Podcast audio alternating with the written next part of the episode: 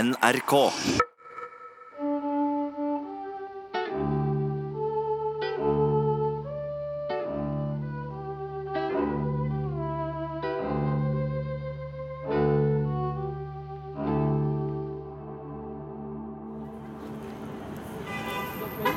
Jeg går forbi teatret La Comédie Française, motstår fristelsen til å ta en tidlig aperitif på kafeen og krysse Rue Saint-Honoré, gata hvor alle de dødsdømte ble kjørt i kjerre til giljotin, og går inn på bokhandelen til landet. Main. Bokhyller i eiketre strekker seg fra gulv til tak, men betjeningen slipper å hente stigen for å finne fram bøker om mannen som bodde et par hundre meter lenger borte, i samme gate. Maximilien Robespierre var og er en gåte for franskmennene.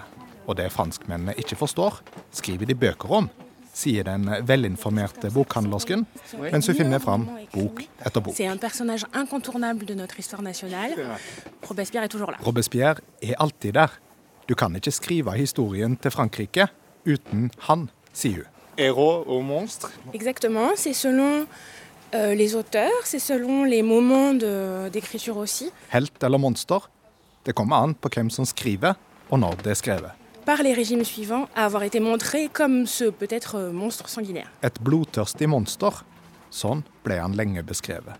Samtidig var og er Robespierre en helt for mange på venstresida. Han sto jo alltid på de svake side. I dag forsøker vi å diskutere han uten å gå til disse ytterlighetene. chercher à nuancer un petit peu le propos. On essaye de trouver la discussion et le compromis, moins le coupage de tête. Og i alle fall uten å skjære hodet av hverandre, avslutter hun med et smil og rekker meg Jean Massin sin fyldige biografi om Robespierre. Den gir et komplett bilde, sier hun. Une vision complète de Robespierre. Complet. Com- Komplett. Très bien. Oui. Merci beaucoup. Jeg kommer ut av bokhandelen med vesker full av fagbøker om Robespierre, men òg den forrige boka til Frankrikes krimdronning Fred Vargas, hvor Robespierre spiller en viktig rolle. Jeg går bortover Rue Saint-Honoré, forbi en spillbutikk og ser reklame for Assassin's Creed Unity, et actionspill med handling fra den franske revolusjon, hvor Robespierre er den store skurken. Men jeg kan ikke finne en plass eller ei gate i Paris oppkalt etter Robespierre. Hovedstaden er ennå ikke klar til å hedre en mann med så mye blod på samvittigheten. For å finne det måtte jeg dratt til hans fødeby Arras i Nord-Frankrike, hvor han jobba som advokat og dommer i ung alder. Og det er her vi skal møte han, en ung Robespierre som bor sammen med søstera si, og er naga av dårlig samvittighet over å dømme en mann til døden. Har du ikke stått opp, bror? Er du syk? God morgen, Charlotte. Frokosten er klar. Brød og melk som vanlig. Er det noe galt? Du er ikke syk? Nei, nei, nei, nei jeg, jeg kommer. Jeg, jeg, hva er klokken? Eh, Klokka er ni. Så mye? Det er uvant deg å forsove seg. Skal ikke du være i retten klokka ti? Jo, dessverre. Er det noe som plager deg? Hva har skjedd? I dag er første gangen din bror skal dømme en mann til døden. Det er vel din oppgave. Ja, Men en slik straff byr meg imot. Du har alltid hatt et svakt sinn, Maximilien. Det byr meg imot at et fattig menneske skal dømmes til radbrekking og smertefull henging, mens en mann av min egen stand slipper unna med giljotinering, som er en rask og smertefri død. Jo, Vårt rettssystem burde tilby lik straff for lik kriminell handling, uavhengig av stand og stilling. Men du trenger ikke å dra dit og se at mannen får knust hvert bein i kroppen. Nei, Din jobb er å få ham dømt, og så kommer du hjem og så spiser du middag sammen med meg. Ja, min jobb burde være å gjøre loven lik for alle i Frankrike. Ja, Men frem til det så er Frankrike tjent med én kjeltring mindre. Ja. Kom nå ned og spis frokost. Ja, jeg, jeg kommer. Ja, jeg, jeg kler meg raskt, og så kommer jeg. Det er vanskelig å ikke få sympati for den unge advokaten og dommeren Robespierre. Jeg er skapt for å bekjempe urett, ikke for å styre den, sa han i en senere tale. Nå er jeg på vei for å ta en kaffe sammen med han. I Frankrike kalles Robespierre l'incorruptible, den ubestikkelige, sier førsteamanuensis i fransk Geir Ufsløk. Han er mest kjent for fra denne perioden som advokat nettopp at han jobbet som forsvarer for en del småfolk, så kan man vel kalle dem, altså vanlige folk. Og tok gjerne saker som var av litt prinsipiell karakter. I en av sakene til Robespierre forsvarer han en mann som er blitt eh, fengsla på kongelig arrestordre. Og han kritiserer prinsippet om at eh, kongen kunne dømme folk til fengsel og henrettelse uten rettssak. Selv om han ble kjent som småfolkets forsvarer, kom Robespierre fra en ganske velstående familie og gikk på en av Frankrikes beste skoler, Louis Le Grand i Paris, hvor Molière og Voltaire hadde gått før han, og hele tre presidenter senere. Robespierre blir valgt til stenderforsamlingen i Versailles i 1789, uten å i starten gjøre så mye ut av seg. Første gang han øh, gjør seg litt bemerket, er vel på slutten av 1789, for da mener han at øh, protestanter og jøder skal ha rett til å være borgere. Det er liksom en av de første gangene han står helt tydelig opp for noe på egen hånd. Men ganske raskt så blir han en altså, mer og mer populær politiker. Han er en tilhenger av allmenn stemmerett for menn, total pressefrihet. Han taler ofte småfolkets sak, og dette får man selvfølgelig vite om i Paris, og han blir, altså i løpet av disse årene, så blir han umåtelig populær.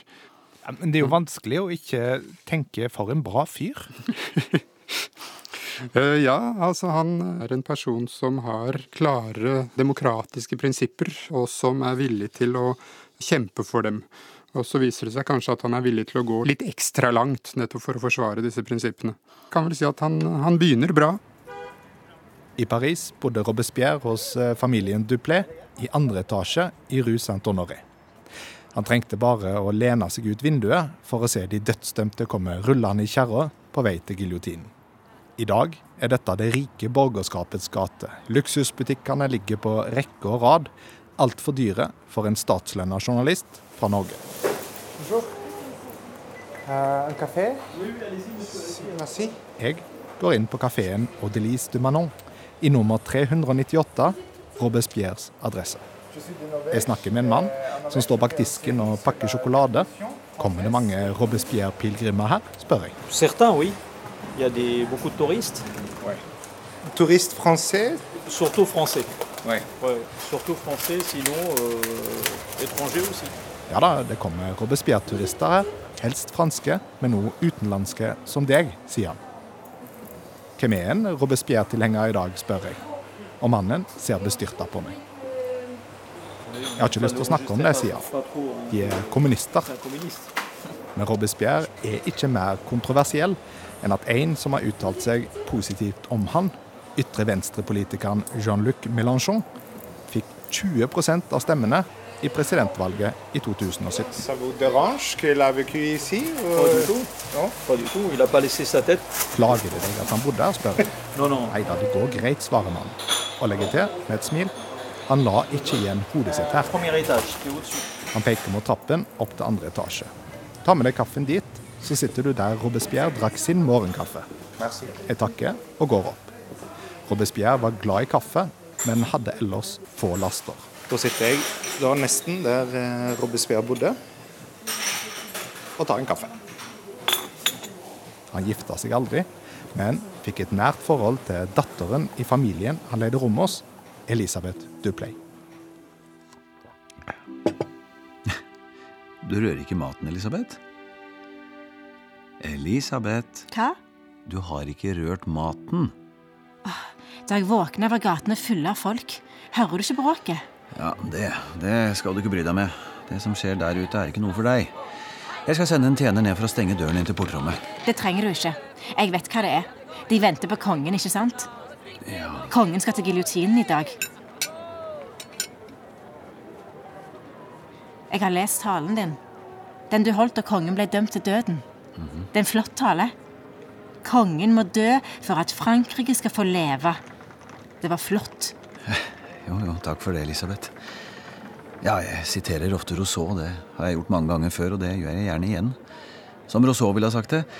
Ånden til folket er god, og den alene yter rettferd til folkets venner og fiender. Vil du ikke bli med ned og slutte deg til folket? Jeg? La oss feire sammen med de andre. Nå blir det endelig fred. Nei, nei, nei, nei, nei, der ute vil du finne kongens venner som er fiender av revolusjon. Det er dessverre mange av sånne. Ikke gå ned dit, Elisabeth. Nå blir ropene sterkere. Kanskje kongen er der nå? Der nede fins det fiender ingen av oss kan se. Men de er der nede, med milde smil. Fiender av revolusjon. Dette er en stor dag, Maximilia. Bli nå med ned. Kongen skal dø. La oss feire sammen med de andre. Lenge leve revolusjonen. Nei.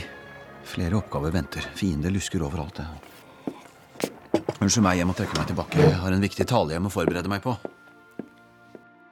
Kongen henrettes i januar 1793. Robespierres makt vokser. Han er den sterke mann i velferdskomiteen, som i praksis er Frankrikes regjering. Prinsippene til den prinsippfaste ryker. Robespierre var motstander av dødsstraff, men som vi hørte, så ivra han for kongens død. Personen som da så knapt et år tidligere hadde fremstilt seg selv som en motstander av dødsstraff, vil nå ta livet av kongen uten lov og dom. Robespierre anser stadig flere som fiender av revolusjonen, og for dem er veien til giljotinen kort. For Robespierre så er dette en nødvendig politikk, fordi landet er i en unntakstilstand der hvor det er krig med ytre makter, det er borgerkrig, det er konflikter mellom ulike faksjoner blant den politiske grupperingen som Robespierre selv er en del av. Nær 20 000 mennesker dømmes til døden som fiender av revolusjonen, flere av Robespierres tidligere venner og støttespillere i disse månedene i 1793 og 1794 som er kalt skrekkveldet, eller Den store terror. Snart kommer de og henter deg òg, ropte en av de da vogna kjørte forbi huset til Robespierre. Og så uttrykt var det i Frankrike at Robespierres popularitet begynte å falle. Han eh, begynte å bli en person som ikke var så veldig populær lenger, men som var mer og mer fryktet. Kanskje fikk folket nok av blod? av den søtlige lukta som steig opp av sanda under giljotinen på Revolusjonsplassen. 17. juni ventet den på Cécile Renault, ei ung kvinne som var anklaga for å ha forsøkt å myrde Robespierre. Cécile kom ikke alene. Hun henrettes sammen med sin far, bror og tante og flere andre. Til sammen 61 personer. Blant annet ei jente på bare 17 år som skal ha vært tjenestepike hos ei dame som var elskerinna til en av Robespierres motstandere. Folk skal ha ropt 'ingen barn' når denne unge pika la seg ned under knivbladet. De bua da hodet falt ned i kurven. Robespierres slutt nærma seg. Men følte han anger? Ingenting han sa tyder på det. I mai 1794, kun et par måneder før sin død, besøker han prinsesse Marie Therese, dattera til Marie Antoinette og Ludvig den 16. Marie Therese, du har fått besøk. Hvem er det? Det er Robespierre. Robespierre? Den store Robespierre. Tjener av revolusjonen. Å oh, ja. Stig på. Takk, takk skal du ha. God dag. Hyggelig å møte deg, Robespierre. Jeg har hørt om deg. Marie Therese, god dag. Hyggelig å møte deg. Har du det godt? Jo takk. Jeg får mat og skrivesaker. Nå er pappa i himmelen, sier de.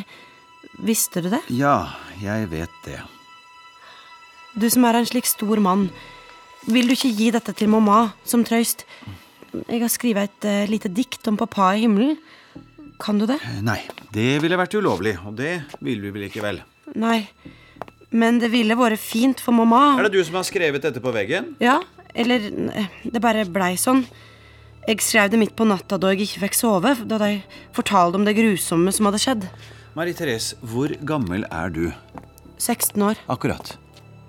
Da er du stor nok til å skjønne at din lidelse er ingenting sammenlignet med den uretten Frankrike har lidd under i hundrevis av år. Kongen måtte dø for at Frankrike kunne overleve. De fortalte meg at pappa var stoisk helt til det siste. Visste du det? Det viktigste er revolusjonens seier over monarkiet. Vil du ikke lese opp det du har skrevet på veggen? Jo, klart jeg kan. Marie-Therese er den mest ulykkelige i verden. Hun kan ikke få vite noe om sin mor, heller ikke komme sammen med henne, sjøl om hun har bedt om det tusenvis av ganger.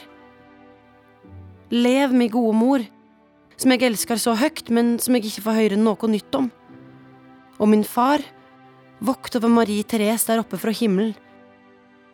Livet var så grusomt mot henne. Lev, mi gode mor, skrev Marie Therese på veggen i fengselet sitt.